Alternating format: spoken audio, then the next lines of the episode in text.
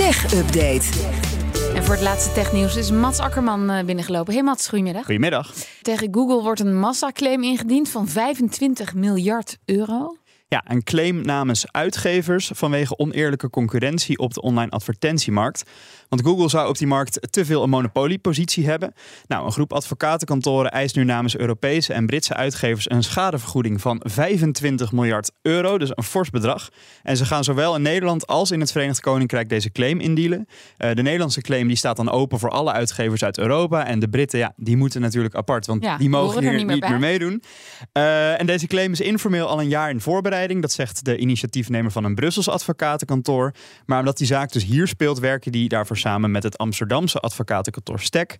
En ik sprak advocaat Jan Bart van de Hel van dat kantoor. En hij vertelde me waar Google nou precies van wordt beschuldigd. Google die heeft eigenlijk een positie eigenlijk in, de hele, in de hele waardeketen van de, eh, van de advertentiemarkt. En ze hebben eigenlijk gewoon de advertentieserver van Google. Die hebben ze gebruikt om de advertentieuitwisseling op de, op de markt om die te bevoordelen en omgekeerd. Nou, en daardoor hebben ze uiteindelijk schade berokkend eigenlijk aan, eh, aan partijen die, die actief zijn op de, op de advertentiemarkt.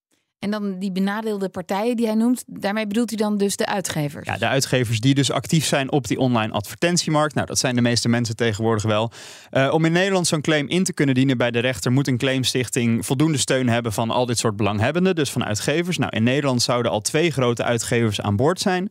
Een woordvoerder van DPG heeft laten weten dat zij meedoen aan deze claim. Mediahuis onderzoekt nog of ze hieraan gaan deelnemen. En advocaat Jan Bart die legde me dan ook uit hoe deze, eh, deze uitgevers dan precies zijn door Google.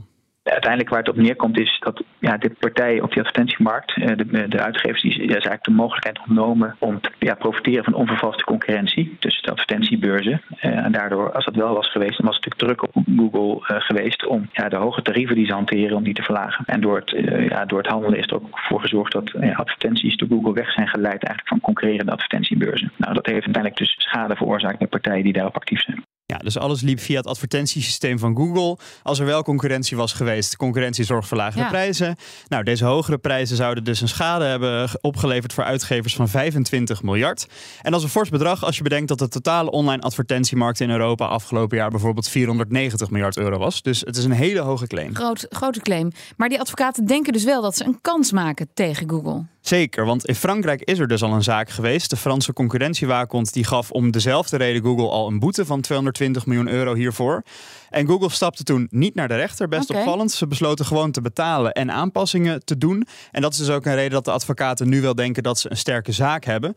Maar goed, als het gaat om 220 miljoen of 25 miljard, dat is nog wel een verschilletje. En Google die heeft er nu wel zin in. Ze zeggen de rechtszaak is speculatief en opportunistisch en we zullen ons krachtig verdedigen. En Jan Bart die vertelde me ook dat het nog wel eh, kan duren voordat we weten wat er uitkomt. Want dit soort claimprocedures kunnen echt jaren duren. Oké, nou dan nog even kort. Een hele opvallende en een beetje onheilspellende nieuwe applicatie. Ja, een applicatie die werkt met artificial intelligence en camera's. Het heet The Follower. Het is online te vinden. Het is gemaakt door de Belgische Dries de Porter. Wat deed hij? Hij nam een aantal weken een selectie van camerabeelden op. Van camera's die gewoon open, openbaar toegankelijk zijn voor iedereen. Oké. Nou, vervolgens liet hij op Instagram zoeken naar alle mensen die op die plekken van die camera's foto's hebben genomen. Dus als jij gewoon had getagd, ik ben hier, ging hij al die foto's automatisch verzamelen.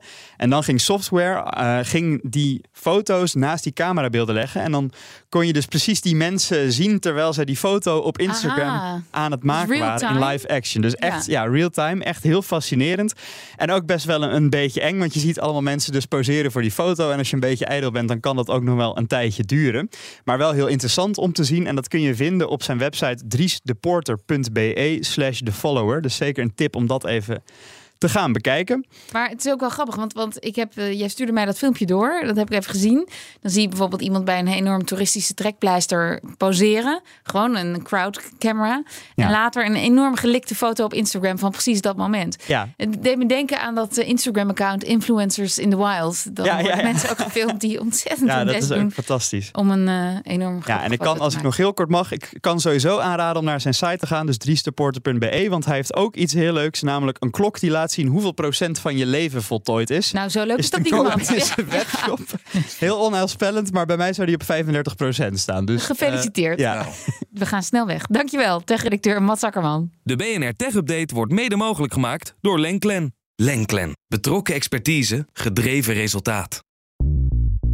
Bij BNR ben je altijd als eerste op de hoogte van het laatste nieuws. Luister dagelijks live via internet. Jelle Maasbach. Wesley Weert. We zijn er voor je met het leukste, opvallendste, maar natuurlijk ook het belangrijkste nieuws. Tijdens de presentatie van die halfjaarcijfers toen die beurskoers in elkaar kukkelde. BNR Beurs. Voor de slimme belegger. Blijf scherp en mis niets.